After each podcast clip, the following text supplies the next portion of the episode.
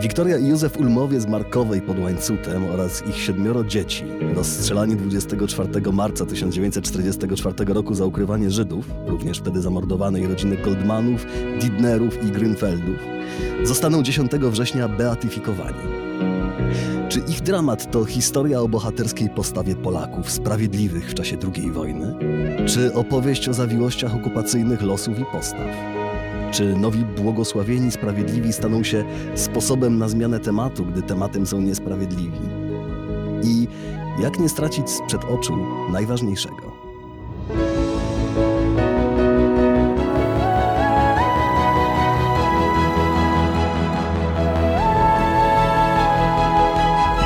Podcast Tygodnika Powszechnego. Weź, słuchaj.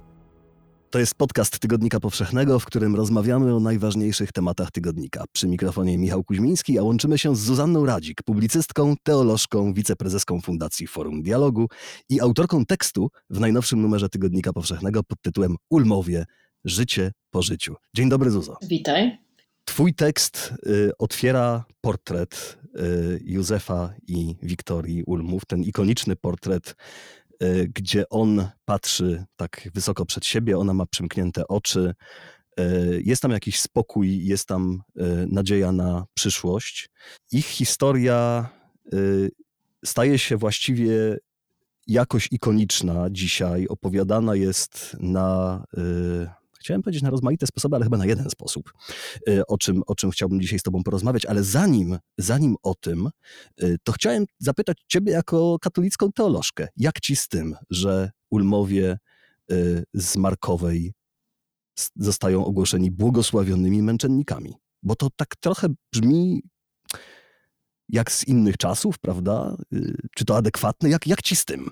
To to jest taka. Ja uwielbiam Ulmów. E, tak zresztą jak pewnie wszystkie historie z ratujących, sprawiedliwych wśród narodów świata, które się pozna bliżej, sprawiają, że, że człowiek ma poczucie, że obcuje z jakąś wielkością. E, a ta historia e, jakoś chyba bardziej jeszcze może przemawia, bo jest tak bogato zilustrowana przez zdjęcia robione przez Józefa Ulma, który był pasjonatem fotografii. Mm. To to chyba jednak robi różnicę w naszym świecie takim bardzo wizualnym, że, że to się nie domyślamy. My widzimy bardzo no, dużo ich życia, takiego codziennego. Dzieci, przestrzeń wokół domu, dom, e, ich razem, osobno. E, I to jakoś tak skraca dystans, więc e, człowiek łatwo się tak zaprzyjaźnia z ulmami. I no i to jest taka, taka część takiego podziwu i wielkości. W tym sensie ja nie mam kłopotu z taką kategorią świętości przykładaną do, do w ogóle sprawiedliwych.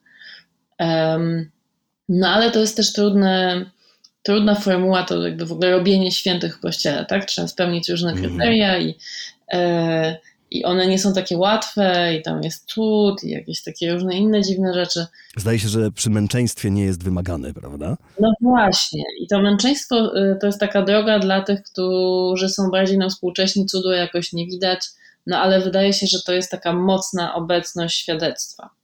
I jeżeli giną rzeczywiście, no tutaj uznano, że to jest e, śmierć za wiarę, w tym sensie, że oni giną za, taką, za takie przekonanie, że powinni e, te rodziny żydowskie ukrywać u siebie. E, mhm. Czyli za, no, za taką, takie, no myślę, że giną za przekonanie o, o równym człowieczeństwie, takie mocne antyrasistowskie, antyprzemocowe, solidarnościowe przesłanie. Hmm. Więc zdecydowanie za Ewangelię. I w tym sensie, no to, to, to też ich jakoś tak, to nie ma tam takiej dziwności, to jest po prostu to jest, i oni nie proszą o tę śmierć, to nie jest jakieś takie domaganie się męczeństwa. Ona przychodzi, bo, bo czasy są takie e, okrutne, mm, ale, ale, ale, ale sprawia, że to życie rzeczywiście staje się takim mocnym sygnałem i, i pokazaniem, że można też tak do końca. Chociaż nie jest to wybrane męczeństwo, tak? To nie jest jakaś taka decyzja, że zginę za kogoś. Tutaj nie, nie, oni się nie, nie pchają do tego.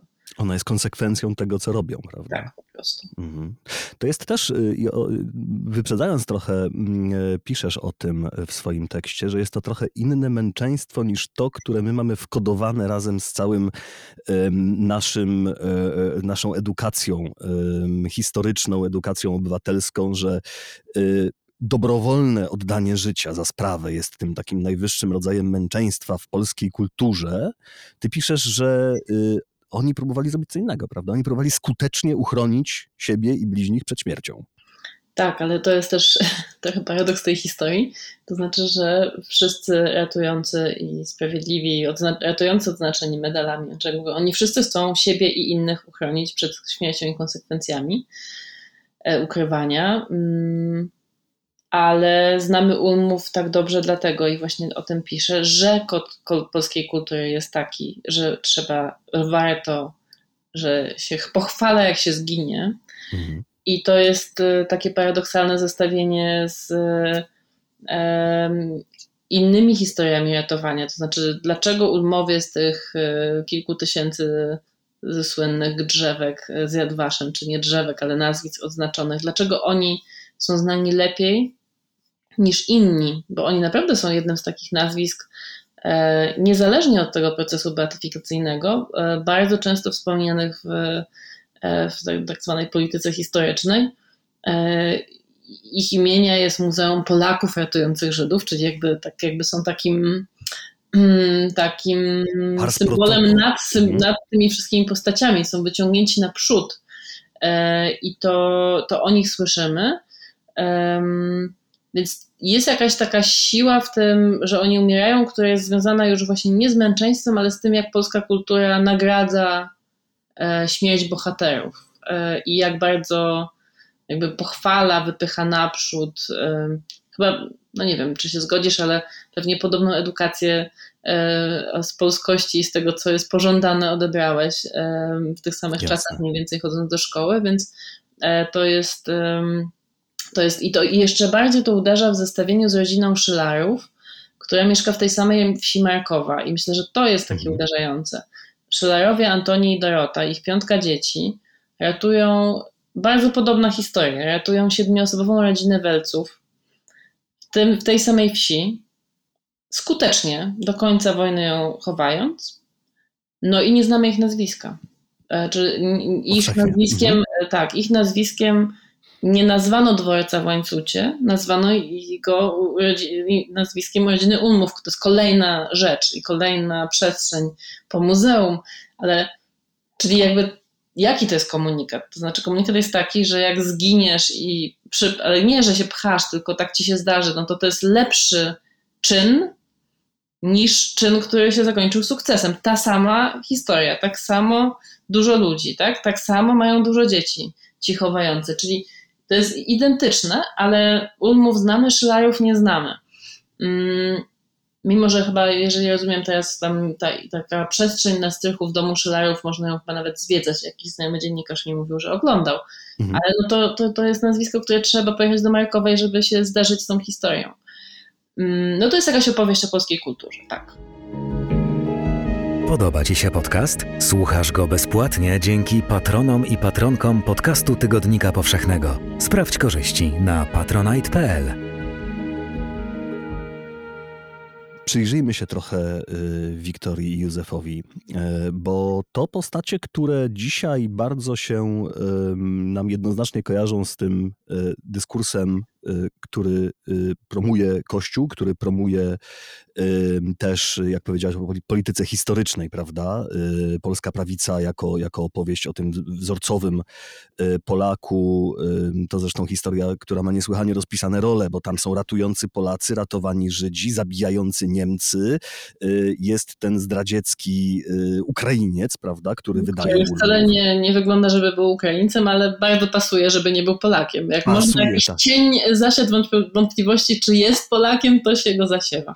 prawda? Więc ta historia ma mocno rozpisane role. Tymczasem ym, pisałaś o tym już wcześniej w felietonie w Tygodniku Powszechnym, y, gdy pisałaś o książce Chłopki Joanny Kuciel-Frydryszak, która tę historię y, opowiada, że Ulmowie to są ludzie, którzy się właśnie takim wygodnym, y, narodowo-katolickim kategoriom wymykają. prawda? Jak się pozna ich historię. No w ogóle y, polityka historyczna ma tę właściwość, że spłaszcza historię i używa jej do swoich celów i e, i nie, nie, o historię i fakty w polityce historycznej chodzi, czy w takiej edukacji publicznej tego typu.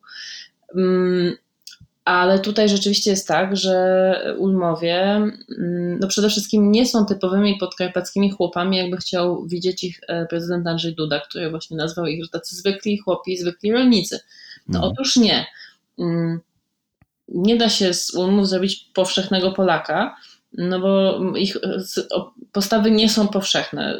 To ratowanie to jest jakby jedna z tych niepowszechnych postaw, ale to badacze ratowa, ratujących zawsze zauważali, że nie da się stworzyć jednego mianownika tych osób, ale zwykle są to osoby nietuzinkowe i osobne w jakimś sensie. I to może znaczyć różne rzeczy. Może znaczyć ekstremalną religijność, głęboką religijność albo głęboki ateizm, znaczy jakby osobność od innych y, wokół, y, którą jakiś człowiek ustanowił w sobie. Y, szerokie zainteresowania, bardzo oczytany wśród nieoczytanych, no jakby, albo właśnie bardzo prosty, ale ale za to jak, no, ktoś, kto po prostu jest zakorzeniony w sobie. I oni z takimi zakorzenionymi w sobie ludźmi na pewno byli. 12 lat różnicy jest między nimi. On jest starszy. Jak w tamtych czasach bywało, nie są to ludzie wys wysoko wykształceni, bo ciężko by być wykształconym bardzo na podkarpackiej wsi, ale Józef Ulma skończył szkołę powszechną, tam te sześć klas pewnie. Mm, I, e, I potem robił kursy rolnicze w Pilźnie to nie jest znowu, to są te półroczny, paromiesięczny kurs rolniczy, ale to już sygnalizuje, że był takim chłopem, który chciał umieć lepiej y, gospodarować i, i jest to, no jest to wiemy nie tylko z tego, wiemy też z jego zaangażowania w Związek Młodzieży Wiejskiej Wici, mhm. że był członkiem ruchu ludowego i taka wizja, że chłopi mogą się emancypować w swojej chłopskości, znaczy jakby czuć wartość swojej pracy, szukać nowych rozwiązań właśnie rolniczych. To było coś, co on, e, co on, co jego reprezentuje i ta, to bogactwo jego zainteresowań takie jest nim ujmujące, że tutaj i jedwabniki hoduje, i szczepi drzewka, i hoduje sałatę, i zabiera dzieci po kościele i pokazuje im ogródek warzywny przy swoim domu i to, że można hodować sałatę, bo ku to zdziwienie z książki chłopki, ale e, okazuje się, że e, ogródki warzywne nie były powszechną rzeczą na polskiej -hmm. wsi. I on właśnie jest tą osobą, która uważa, że to powinno się wprowadzić, że wtedy jest bogatsza dieta w rodzinie, dzieci uczą się czytać. Mamy zdjęcie, jak jego córka siedzi z, e, z książką czy z ćwiczeniami, no w każdym razie z długopisem też Um, także to są, to są rzeczywiście ludzie, którzy odstają od tego modelu yy, i jak bardzo odstają, to jakby od takiego modelu potulnego, zwykłego gospodarza, który jest pobożny, ale są pobożni jednocześnie, tak? Solidacja mariańska na drugą nóżkę, ale jednocześnie kłótnia z lokalnym proboszczem, czującym zagrożenie ze, ze, ze strony ludowców. E, ruch ludowy i wici zwłaszcza były powszechnie nielubiane przez Kościół e, ze względu na swoje postulaty reformy rolnej która uderzyłaby w majątki kościelne. Mhm. No, jakieś tam ogólne wątpliwości. Nawet prymas y, Chląd się wypowiadał na ten temat, mówiąc, że to przecież nic dobrego z tego nie będzie. Mhm. Z tych, tych ludowców i z tej młodzieży ludowej. A tu proszę, właśnie ku y, taki trochę dowcip dla prymasa Chląda. Mamy dwóch, dwoje błogosławionych, którzy z tego ruchu ludowego się wywodzą, bo też Wiktoria Ulma, właśnie młodsza od swojego męża, też chodziła i na zajęcia teatralne tam, i na różne inne kursy do, do, do, do, do ludowców e, i do, dom, do, do Uniwersytetu Ludowego w Gaci, który powstał we wsi obok. Więc to było w ogóle takie niezwykłe miejsce, ta, ta Markowa. Znaczy, Markowa nie jest przypadkowym miejscem, jest to wieś przedwojenna, która zaparła się, że będzie miała spółdzielnię zdrowia i zatrudniła sobie lekarza po wielu trudach, bo nikt nie chciał pracować na wsi znalazła jakiegoś szalonego społecznika, lekarza, który się zgodził tam żyć i potem chyba zginął w Katyniu albo na Syberii, ale, ale to, to rzeczywiście jest jakieś niezwykłe miejsce, tak, tak poza wszystkim. Więc ta Markowa nagle, którą się nurza w takim patriotycznym dyskursie, takim zupełnie klasycznym, no do, jakby doświadcza jakiejś krzywdy, mam wrażenie, bo nie widzimy, z czego wyrośli ci ludzie i że to jednak było trochę inne niż taka zwykła zwykła katolicka wieś, która się słucha swojego proboszcza. Mm. Zarówno to miejsce, jak i, jak i y, postawy życiowe, wybory życiowe y, Ulmów, to y, są takie sytuacje, które kompletnie nie dają się uczynić właśnie pars pro toto, prawda? Pokazać, że typowi Polacy, typowa polska wieś, typowe zachowanie Polaków ratujących Żydów w czasie y, niemieckiej okupacji. Chciałbym Cię zapytać, bo, bo chyba nigdy dość przypominania y, o takie, oczywiście to nie jest temat na, na opowiedzenie skrótowe, ale o takie najważniejsze y, podsumowanie tego, co dzisiaj wiemy dzięki badaczom zagłady, o realiach przechowywania żydowskich sąsiadów, żydowskich uciekinierów w czasie trzeciej fazy zagłady na polskiej wsi. No wiemy y, przede wszystkim, że realia przechowywania z perspektywy osoby ratującej to była obawa nie, nie, nie wobec patrolu niemieckiego, y, Wehrmachtu czy Gestapo, bo oni wcale tak intensywnie nie chodzili, nie szukali. Czasem robili takie akcje, ale naj, najbardziej z obawa y, o to, co sąsiedzi usłyszą, domyślą się E, czy będą milczeć, czy będą donosić.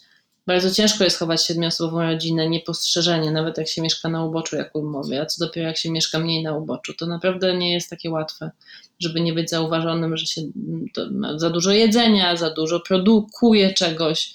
Tutaj w przypadku Ulmów były to garbowane skóry, które, które oni produkowali, żeby utrzymać wszystkich swoich gości. E, także ta, ta sytuacja taka społeczna to nie jest e, Polacy versus Niemcy czy naziści, to jest e, ja ratujący versus cały świat wokół, bo nie wiem komu mogę ufać. A ograniczona ufność bardziej gwarantuje przetrwanie i gości i, i, i, i moje, mm, niż zaufanie, które zostało źle ulokowane. Te historie źle się kończą, jeżeli źle ulokuje zaufanie. W związku z tym z takimi historiami wyszli ocalali, którzy się ukrywali, znaczy, że ich nieufność wobec y, traktowanie Polaków jako zagrożenie, taką blok, było trafniejszą oceną sytuacji i, i z tym wychodzili, w związku z tym potem negatywnie myślą często oni i ich dzieci o, o Polakach. No po prostu ta postawa gwarantowała y, bardziej przeżycie niż inna, y, niż źle lokowane zaufanie.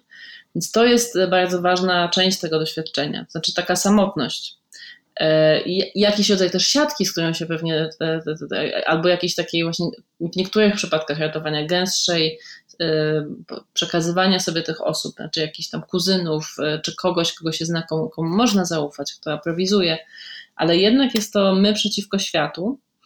Mm, I to też widać bardzo w powojennych losach i w powojennych, powojennej samotności tych osób. My teraz, jak już poumierali prawie, to łatwo jest nam budować te pomniki, zjawiać się na wsiach, e, jak Instytut Pileckiego ostatnio i mówić, że tutaj zawołani po imieniu, tak, znajdujemy te rodzice, rodziny ratujących. To się dzieje niestety w oderwaniu od lokalnej historii Żydów i upamiętnienia Żydów. To, to jakby jest osobny kłopot tego. Ale, ale, ale to, o czym nie pamiętamy, to to, że to zapomnienie to nie jest tak, że ktoś nam kazał zapomnieć. Ludzie po wojnie bali się e, mówić, że ratowali.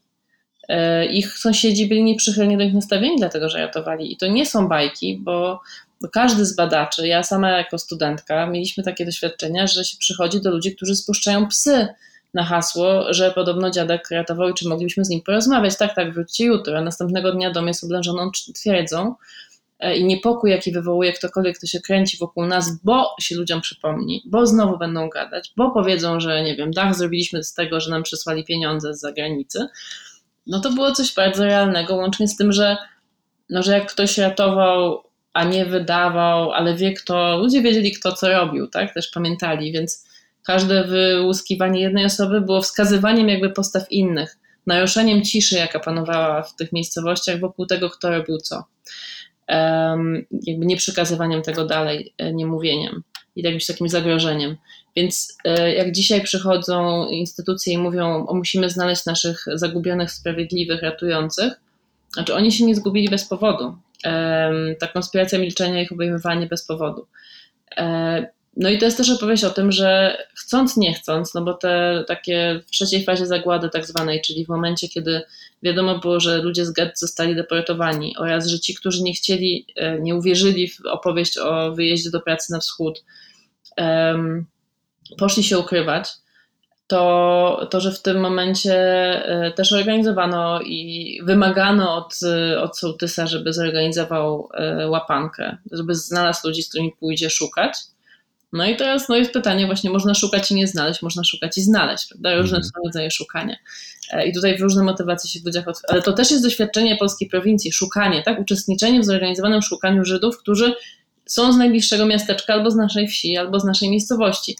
Um, więc to jest to, to jest to doświadczenie. Ważne też w tym wszystkim jest to, żeby nie widzieć e, no właśnie tych chowających się jako potulnych, biernych e, po prostu podmiotów opieki przez Polaków. Znaczy, żeby być kimś, kto się ukrywa, trzeba było podjąć ryzykowną decyzję, e, że się to chce zrobić. Znaczy, że się, mm, że się ma takie moce życiowe jeszcze w sobie po wszystkich upokorzeniach, żeby aktywnie szukać. E, I wielu przecież ukrywających się ukryło się też w lasach, w partyzantce, nie, jakby wcale nie w polskich domach. E, Bardzo różne były te strategie ukrywania i to był po prostu gigantyczny wysiłek, który ludzie podjęli ryzyko i wysiłek w 1942 roku, w momencie kiedy się getta, getta były deportowane, że nie wchodzą w to, nie dadzą się deportować, jak im się udało, to uciekali, no ale no, jakby nie mieli żadnego gotowego, albo mieli jakiś tam nagrany plan, on nie zawsze wypalał w tym momencie. Musieli bardzo spontanicznie przez najbliższe no, dwa i pół roku często y, sobie radzić. Ufać ludziom, nie ufać, odchodzić, wychodzić, chować się w lesie. To są jakieś. Znaczy, że jakby. mówię to wszystko po to, żeby powiedzieć, że nie wolno myśleć, że ktoś przychodzi, dobry Polak go chowa i na tym się kończy zadanie Żyda w przetrwaniu, tak? Znaczy, dlatego, dlatego y, się zwraca uwagę, żeby nie mówić ocaleni, tylko ocalali Tak. bo ocalali jest aktywne, to znaczy zakłada nie bierność, tylko to, że ktoś naprawdę musiał po prostu zebrać w sobie wiele sił, e, żeby się tego podjąć. To to jest ta, to, to jest ta historia, w której kontekście ci ulmowie są, to znaczy takiej no właśnie y, sterylizowanej okupacyjnie wsi, ale też takiego właśnie roz, roztrzaskanego zaufania społecznego, niemożliwości ocenienia na kim polegać, na kim nie, różnych właśnie takich płytkich interesów i chciwości. I tutaj ta chciwość przedwojennego policjanta, y, funkcjonariusza państwa polskiego wcześniej, a potem granatowego policjanta. Włodzimierz Leś, prawda? Tak, Włodzimierz Leś, Mhm. który najprawdopodobniej, no wszystko wskazuje na to, nie mamy stuprocentowej pewności, e, wcześniej ukrywali się u niego, God- Goldmanowie i prawdopodobnie bał się, że jak przeżyją wojnę, to będzie musiał oddać im e, rzeczy, jakiś majątek, który u niego zdeponowali, e, co miało ich ocalić, za co miał ich utrzymać, a potem ich wyrzucił. To też jakoś tam takim się cienie, cieniem kładzie, bo jakby się tylko bał ich, za, ich u siebie chować, to mógł im oddać te rzeczy i pozwolić im iść, prawda? A on ich wyrzucił, ale nie oddał im rzeczy. E, I oni się aktywnie domagali tego od niego w czasie wojny, e, chodząc do niego. Niektóre, niektóre mm, sposoby, niektóre teksty, jak się napotyka o historii umów, mówią, że natrętnie i to mnie zawsze dosyć bawi, bo to jest dosyć pejoratywne słowo. I sobie myślę, jakbym miała cały swój majątek u kogoś, od czego zależy moje przeżycie, ale też wi- widziała, że mieszkam z ośmioosobową rodziną, która po prostu ledwo wszędzie, to oczywiście, żebym się domagała zwrotu majątku, ryzykując życie, bo to wszystko jest ryzykowne, ale dlaczego używać przymiotnika natrętnie? Że niech się cieszą, że w ogóle są ukrywani, tak? Może nękali tego Lesia i aż się zdenerwował. No nie wiem, znaczy jest to taka, to jest taka uważność na słowa, którą w tych historiach myślę trzeba mieć, bo często te słowa przychodzą po prostu z jakąś taką, takim uprzedzeniem od razu. Kup Tygodnik Powszechny na stronie tygodnikpowszechny.pl i sprawdź swoją zniżkę z kodem podcast. Zwracasz uwagę na to y, w swoim tekście w najnowszym tygodniku y, powszechnym, że ta historia o Ulmach jest opowiadana w taki sposób, że ona przestaje być historią o tych y, Żydach, o rodzinie Goldmanów, o Saulu i jego czterech synach, o Lei Didner z córką e, Reszlą, o Gołdzie Grünefeld. Y, Siostrze, tak, bo są dwie siostry, jedna z córeczką, które Tak. są ze wsi Markowa też. E, Mhm. Goldmanowie są z Łańcuta, a one są stamtąd. Piszesz o tym, że y, w Markowej do końca okupacji, do y, końca lipca 1944 roku y, dwa- 21 ukrywających się w okolicy Żydów dotrwało. Piszesz też o tym, i to być może jest najbardziej porażający y, element tej opowieści, że następnego dnia po egzekucji Ulmów na polach y, wokół Markowej znaleziono 24 ciała Żydów zamordowanych przez tych, którzy ich wcześniej ukrywali. Mamy takie świadectwo kogoś, kto się ukrywał, że, że tak było. I teraz, jeżeli ta historia jest y, w tej takiej najbardziej powiem tak, twardogłowej wersji propagandowej opowiadana, że to są modelowi Polacy, którzy ukrywają e, nieszczęsnych Żydów przed e, tymi potwornymi Niemcami. To jest jakby jedna wersja. Wersja bardziej light jest taka, że to jest przykład heroizmu, za który ta, e, które, którego ta beatyfikacja jest nagrodzeniem i stworzeniem jakiegoś modelu, ale też wiadomo, że nie były to, to nawet przedstawicielka rządu powiedziała, bo jeżeli nie, nie przekręcam teraz, w każdym razie ktoś, ktoś z delegacji oficjalnej w czasie wspomnianego przez ciebie nadania y, dworcowi w Łańcucie imienia Ulmów powiedział, że, że wiadomo, że to nie były powszechne postawy, bo nie można od wszystkich wymagać heroizmu, prawda? Co też jest prawdą mm. skądinąd. Y, no niemniej y, to cały czas są strategie jakiegoś zawłaszczania, jakiegoś czynienia z Ulmów i z ich postawy, jakiegoś przykładu, e, jakiegoś e, przekazu, prawda, dla, dla nas dzisiaj i tak dalej. Przestrzegasz przed takimi rozmaitymi strategiami zawłaszczania e, w tym swoim tekście. Chciałem cię poprosić o opowiedzenie, które z nich cię najbardziej niepokoją. E, tak, e, przestrzegam, bo no właśnie, bo za bardzo chyba z takiej naprawdę sympatii. Boję się, że ktoś zrozumie ten tekst taki dosyć zjadliwy, myślę jednak. Utyskujący, że zamiast, że znowu Tygodnik Powszechny i Radzik zamiast się cieszyć, że są wspaniali błogosławieni, to się czepiają. No i mamy ten, ten taką, myślę, że mamy taki, taki, takie zadanie, żeby jednak pilnować krytycznie. Hmm ja przestrzegam e, przed kilkoma rzeczami, to znaczy przed powiązaniem polityki z historią, które tutaj jest ewidentne i to jest właśnie widać w wypowiedziach polityków i tych wszystkich hasłach, że wszyscy Polacy mogą teraz się czuć dumni i właśnie w ogóle dzięki ulmom.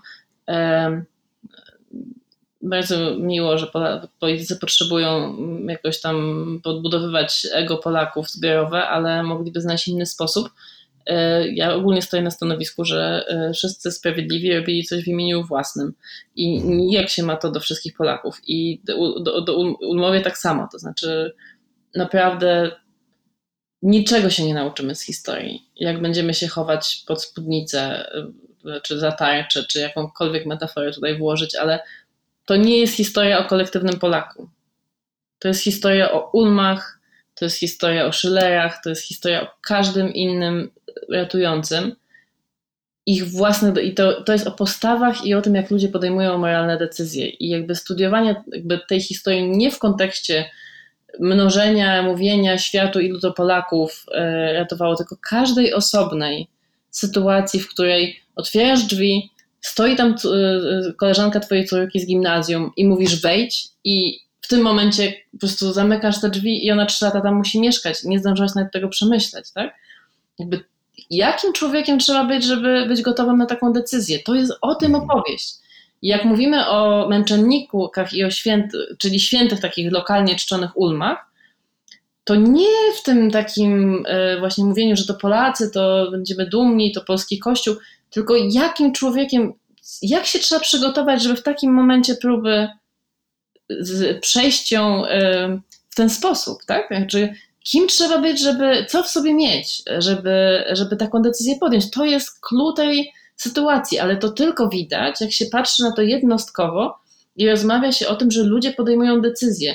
Podejmujemy tych decyzji szereg dziennie. Czasami taka decyzja podejmowana w bardziej dramatycznych sytuacjach historycznych, ale też pozornie nasze sytuacje nie są może dramatyczne, ale też podejmujemy decyzje wielkiej wagi. Dopiero co przejmowaliśmy uchodźców.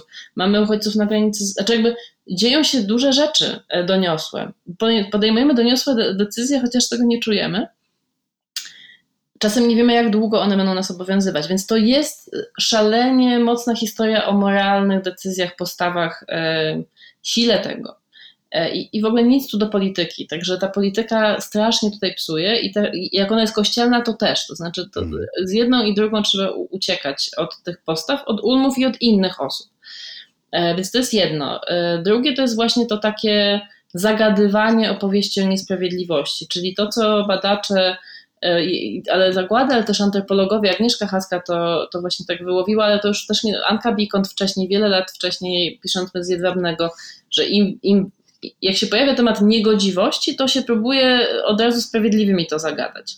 I to jest, to nie ma co się y, mówić, że tak nie jest, znaczy tak jest stuprocentowo tak działa polska kultura, y, że jak w 68, w 60 latach zaczęto mówić, że są niezadbane miejsca pamięci, miejsca zagłady, no to y, wydano y, zestaw opowieści o tym, jak Polacy ratowali Żydów i akurat na wydanie tego Bartoszewskiemu pozwoliła cenzura. Dlaczego? No bo zaczęli gadać na świecie, że może mhm. Polacy są antysemitami. Zanim jeszcze nawet wysłaliśmy Żydów w 68 w świat, to, to już były właśnie takie, że coś tam się dzieje nie tak, że te miejsca są takie niezadbane, no to my na to, że my mamy sprawiedliwych. I my tak w kółko, tak? Wzmożenie wokół ratujących, zainteresowanie Sandlerową, pojawia się po grosie i po sąsiadach. To, to po prostu to tak wygląda. E, to nie jest bezinteresowne i dla nich to jest zawsze w obronie przed tą, tym jakby zarzutem, że Polacy coś tam. No to jak my Polacy coś tam, to my im e, właśnie tego czy tamtego sprawiedliwego. Jak nie Karskim, to ulmami pogonimy.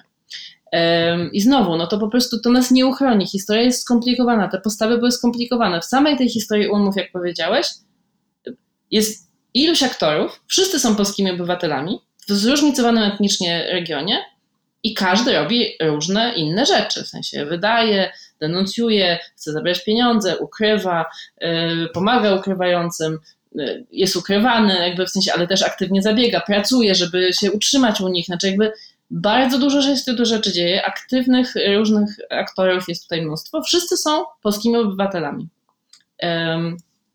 To teraz co, ten, co ci Polacy mają z tej historii zrobić? No mogliby zrobić, że to po prostu jest bardzo złożone wszystko, jak to z historią, no ale lubimy upraszczać, więc to jest kolejna taka rzecz. E, nie chcę się, może trzeba przeczytać ten tekst po prostu, bo jest dużo, okay. ale może powiem o takiej nowej rzeczy, że myślę, że obecność Kościoła w tej historii wnosi też wątek e, i tego, że e, wszyscy ulmowie łącznie z dzieckiem, które urodziło się w czasie egzekucji, zostali beatyfikowani, e, to wniosło pewną ekscytację, bo to jest dosyć wyjątkowa sytuacja. Nie wiedziano, co będzie z tym siódmym dzieckiem. E, I, e, no i to bardzo szybko zaczyna przesuwać się w jakiś taki dyskurs antyaborcyjny. Mhm. I tutaj jest jakby też taka walka na słowa. W większości polskich duchownych słyszymy postulator procesu, ksiądz mówi o tym, że to jest dziecko nienarodzone. To była chyba zaawansowana ciąża, ale nie wiemy też, jakby nigdzie nie ma w żadnych rejestrach. Wtedy nie było rejestru ciąż, więc nie wiemy, y, jak zaawansowana. Świadkowie mówią, że znaleziono, jak znaleziono ciało przy ekshumacji, no to to dziecko było widoczne. No ale teraz, czy nazywać je nienarodzonym, czy nazywać je świeżo narodzonym, jak y, prefekt kongregacji, który zajmuje się świętymi z Watykanu, mówił w wywiadzie Kaj, to ewidentnie on odpowiada na ten sposób języka, jakiego używają polscy duchowni, bo mówienie świeżo narodzone czy ledwo narodzone to jest w ogóle dziwne. W sensie jakby koryguje to, tak jakby chciał mhm. wyrwać tą historię z tego dyskursu aborcyjnego, no ale to jest jakieś przepychanie się wokół terminologii. No tak naprawdę to w ogóle jest historia o czymś innym, więc ja mam taki lęk też, że zaraz jeszcze od tej strony to zacznie być używane. I to wszystko są lęki o to, że my zapomnimy o ulmach Mhm. Myślę, że my w ogóle zapomniemy o umach, pominiemy kontekst, w jakim oni żyli, przestaniemy to wszystko rozumieć, tylko będziemy nimi wymachiwać w tej czy innej wojence współczesnej. E, no i to, to, to, to jest najstraszniejsze, bo po prostu to byli bardzo wyjątkowi ludzie, piękny życiorys, właśnie fascynujący w tym swoim, w tej swojej codzienności, ale odbiegający jednak od takiej, takiej zwykłej normy. Szkoda, szkoda by było zapomnieć ich prawdziwych e, i poddać ich tym wszystkim ideowym interesom, które mamy do nich.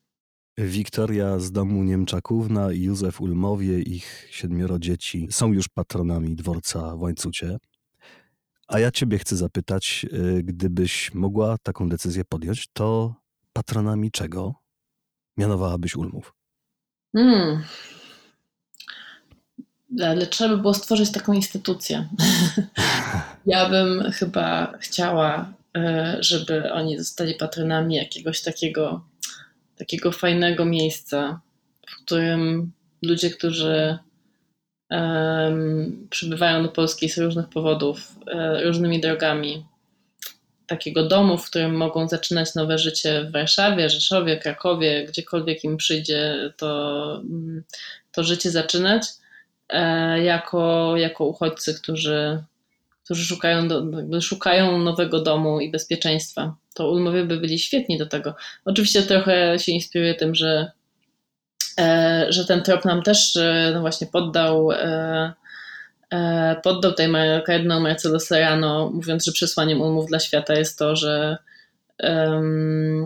że przyjmowanie i gościnność wobec drugiej osoby są ważne i że państwa mają wiele narzędzi, które mogłyby pomóc w ocenie przybywającej osoby. Dlaczego on o tym mówi? No o tym, że mm. mówi o nas o białoruskiej granicy, znaczy to jest ewidentne.